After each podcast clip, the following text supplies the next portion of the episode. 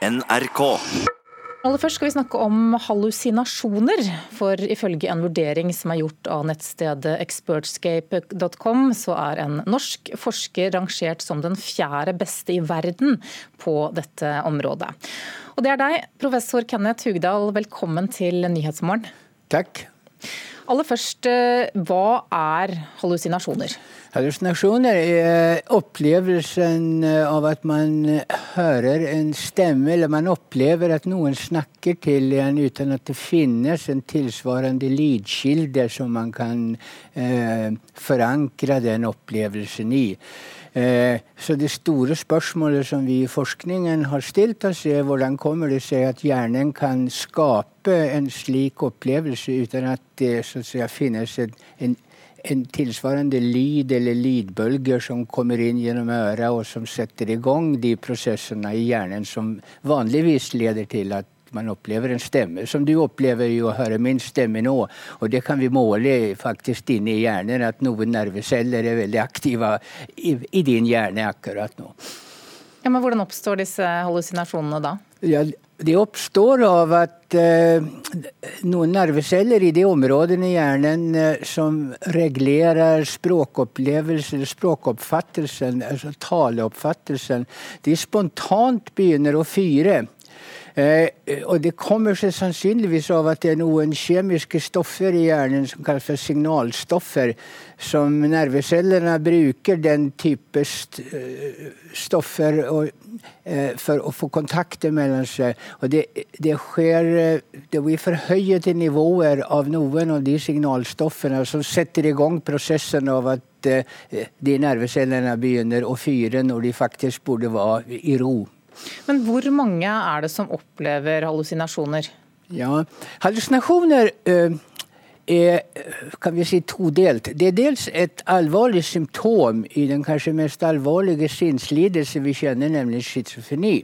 Men det, det, er også et, et, fenomen der en viss prosent i den befolkningen generelt opplever å høre stemmer. Og i en, i en undersøkelse faktisk som ble gjort her i Norge for noen år siden, eh, som da koordinert opp fra Trondheim, så fant vi ut at det er ca. 7 eh, i, i den norske befolkningen som faktisk opplever å høre stemmer. Men de har da ikke en diagnose. Mens de, den prosentandelen eh, av pasienter med en schizofrenidiagnose er vanligvis ca. rundt 1 ja, Hvor mange er det som trenger behandling? Eh, de som trenger behandling, er pasientene de, der hallusinasjonene er en, eh, et symptom. Og, og, det er ofte slik at de opplever negative kommentarer. Stemmene kommenterer hvordan de går, hvordan de kler seg, de, hva de sier, til og med hvordan de tenker og slike ting. Mens eh, de i befolkningen generelt som eh, hører stemmer, vanligvis trenger ikke behandling. Kan det være noe positivt med hallusinasjoner? Ja, det finnes jo også stemmer som er positive. Eh, som er det ene. Det vil si at stemmene er oppmuntrende, de sier positive ting. Det er ganske uvanlig hos eh, de schizofrene pasientene. Så er det oftest de negative stemmene som dominerer. Men noen uh, individer sier at de har, lært seg å leve med stemmene. Så de vil helst ikke hva de foruten, utan stemmene blir en del av livet. De, de kommuniserer uh, innen mening med sine stemmer. Du er tilknyttet både Haukeland universitetssykehus og Universitetet i Bergen. Hvordan, ja. hvordan, er det å bli rangert så høyt blant forskere i, i verden?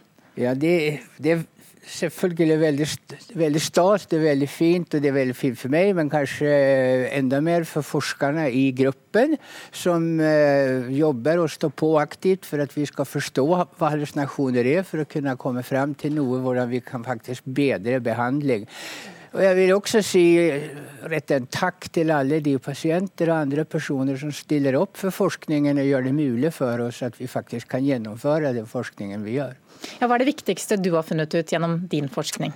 Ja, det, det, det to viktigste tingene vi har funnet ut, er vel at vi vi bruker en magnetresonansmaskin, en MR-skanner. og Det kan vi måle inne i hjernen hvilke nerveceller som er aktive når man hører stemmer. Og vi, vi var, var, da med og fant ut i hvilke områder i de taleområdene i hjernen der uh, nervecellene faktisk uh, uh, er altfor aktive når de ikke skal være det. Og det andre er de, de Eh, kjemiske signalstoffer. Det er Et av de stoffene heter glutamat, som vi, som vi også har vært med om å lokalisere. at eh, det er forhøyede nivåer av det signalstoffet. Så det, det burde man prøve å få ned det nivået. Litt komplisert, men gratulerer uansett, professor Kenneth eh, Hugdal. Tusen takk for det.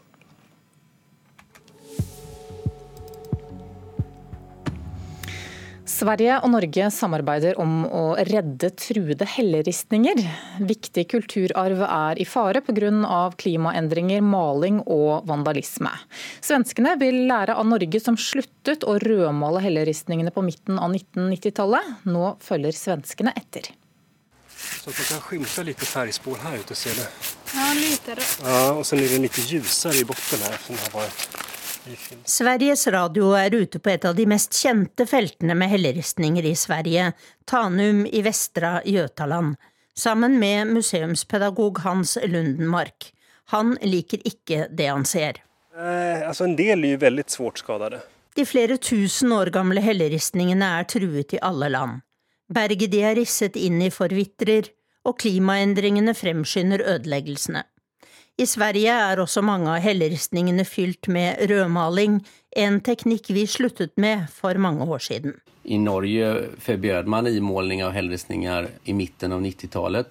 For når man måler i helleristningene for at de skal synes, så, så kan man også forsemre deres bevarende status og gjøre at de brytes ned fortere. Og da må vi forsøke å finne andre sett å vise de helleristningene på enn just måle i dem. Dette er Henrik Sedig, han er arkeolog i Vestre Jøtalandslen. Sammen med den norske arkeologen Trond Lødøen ved Universitetet i Bergen har han fått EU-midler til å samarbeide om å redde helleristningene i begge land. Han mener at den største trusselen er mennesker som riper i de flere tusen år gamle tegningene. Vi ser med økende bekymring på at stadig flere blir ødelagt av eh, hærverk, vandalisme. Det gir katastrofale etterlatenskaper av vår moderne tid. Norge sluttet å rødmale helleristningene på midten av 1990-tallet, og nå følger Sverige etter. Men Norge var på den tiden absolutt ikke best i klassen, sier Lødøen. Det internasjonale samfunnet kaller jo den norske praksisen for, eh, for profesjonell helleristningsvandalisme.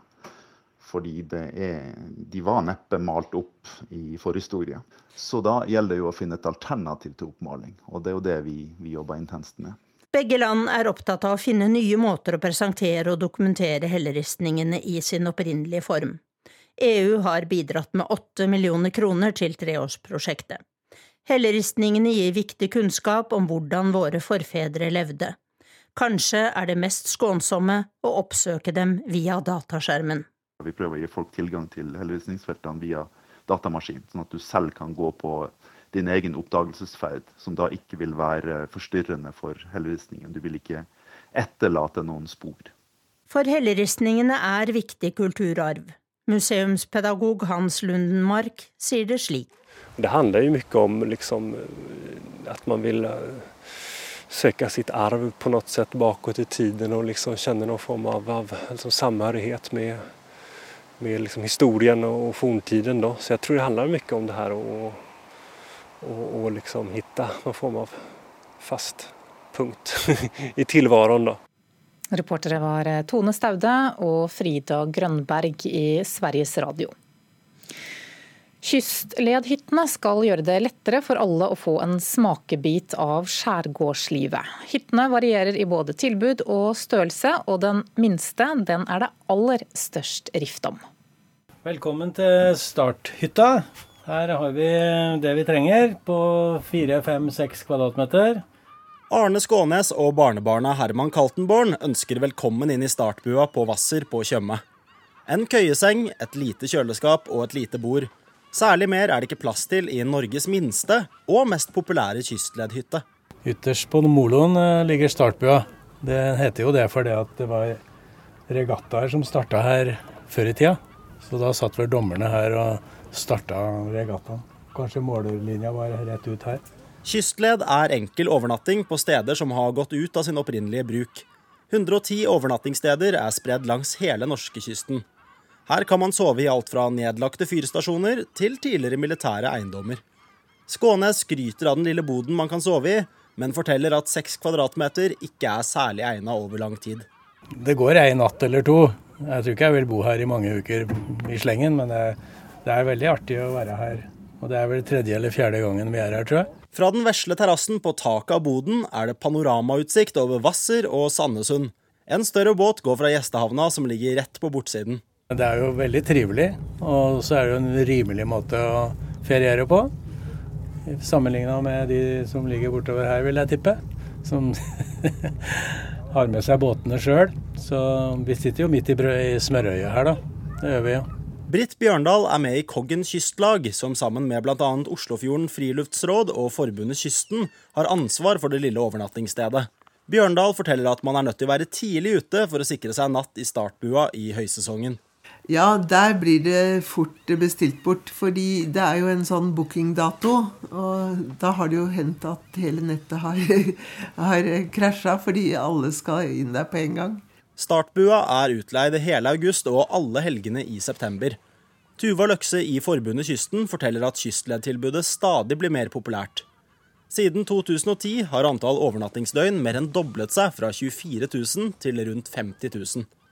Hun forteller at tilbudet er ment for alle. Noe av poenget med kystled er jo å gjøre kysten tilgjengelig for alle. Også de som ikke har egen hytte og egen båt. At alle skal kunne oppleve naturen på kysten og komme seg ut på sjøen. Det er ifølge Løkse mer enn fine opplevelser i skjærgården man får ut av kystled. Hun tror konseptet også er populært fordi det er i tidens ånd. Framover nå så kommer vi til å se at vi går godt hånd i hånd med en økende miljøbevissthet blant folk, som også har ført til at mange i større grad ønsker å dele istedenfor å eie alt selv. Og også at mange velger å legge flere av feriene sine til nærområdet istedenfor å fly langt av sted. Og dersom du har vært for sent ute for å få deg en natt i den lille startbua, er det mange andre overnattingsmuligheter i kystleden. Det er også mulig å finne, finne ledige hytter hvis man er litt senere ute, men da må man litt ta, ta det som er ledig. Og kanskje også dele med noen. Reporter her, Bendik Hansen. Det har stormet rundt den amerikanske artisten R. Kelly de siste årene. Flere kvinner har fortalt om forhold de skal ha hatt med artisten mens de var mindreårige. Og artisten sitter nå i varetekt i New York. Kulturreporter Petter Pettersen, nå har tiltalen mot ham blitt eh, utvidet. Hvorfor det? Ja, eh, tiltalen mot artisten er utvidet, unnskyld, utvidet, til flere seksuelle overgrep, inkludert eh, misbruk av en jente under 18 år i Minnesota, ifølge NTB. Eh, disse overgrepene skal ha funnet sted i 2001, da artisten skal ha betalt for at en jente ned i 16-årsalderen skulle danse fram og ha seksuell kontakt. Robert Sylvester Kelly, som er hans fulle navn, sitter altså for øyeblikket i varetekt i New York, mistenkt for bl.a. kidnapping og seksuell utnytting. Og I tillegg eh, er han også tiltalt i Illinois for eh, ti tilfeller av overgrep, menneskehandel og produksjon av overgrepsbilder av barn. Hva sier artisten selv om anklagene? Eh, de nye anklagene kommer bare dager etter at superstjernen selv erklærte seg ikke skyldig i overgrep mot kvinner og jenter foran en føderal domstol i New York. Og Påtalemyndigheten der mener sangeren har forgrepet seg på fans, mens eh, Kellys eh, forsvarere mener at ofrene lider av eh, det de kaller groupie-anger. Og R. Kellys advokat Steve Greenberg har ytret seg oppgitt på Twitter om de siste anklagene i Minnesota. Han skriver 'kom igjen, det her er mer enn absurd'. Vi skal fortsatt holde oss i musikkens verden, men nå til noe litt mer positivt.